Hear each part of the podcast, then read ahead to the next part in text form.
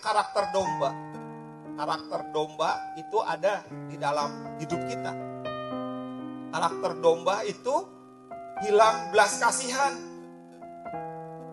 Hilang peduli pada orang banyak. Yang dulu kita bermurah hati, sekarang kita nggak bermurah hati lagi.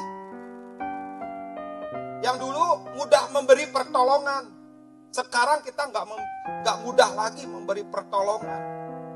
Yang dulu melayani tanpa pamrih, sekarang banyak pamrihnya, banyak hambatan, banyak halangan, dan masih banyak lagi karakter-karakter domba lain yang dulu kita punya. Jadi kalau hari ini perumpamaan domba yang hilang bukan lagi berbicara tentang domba yang di luar, tapi karakter domba para pelayan-pelayannya. Agak serem kalau dulu kita punya cinta yang besar kepada Tuhan, cinta itu sudah nggak ada, agak serem di hari-hari terakhir ini.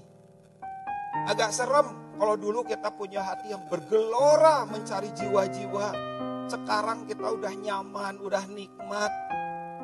Agak serem kalau kita sudah kehilangan hal-hal penting di hadapan Tuhan.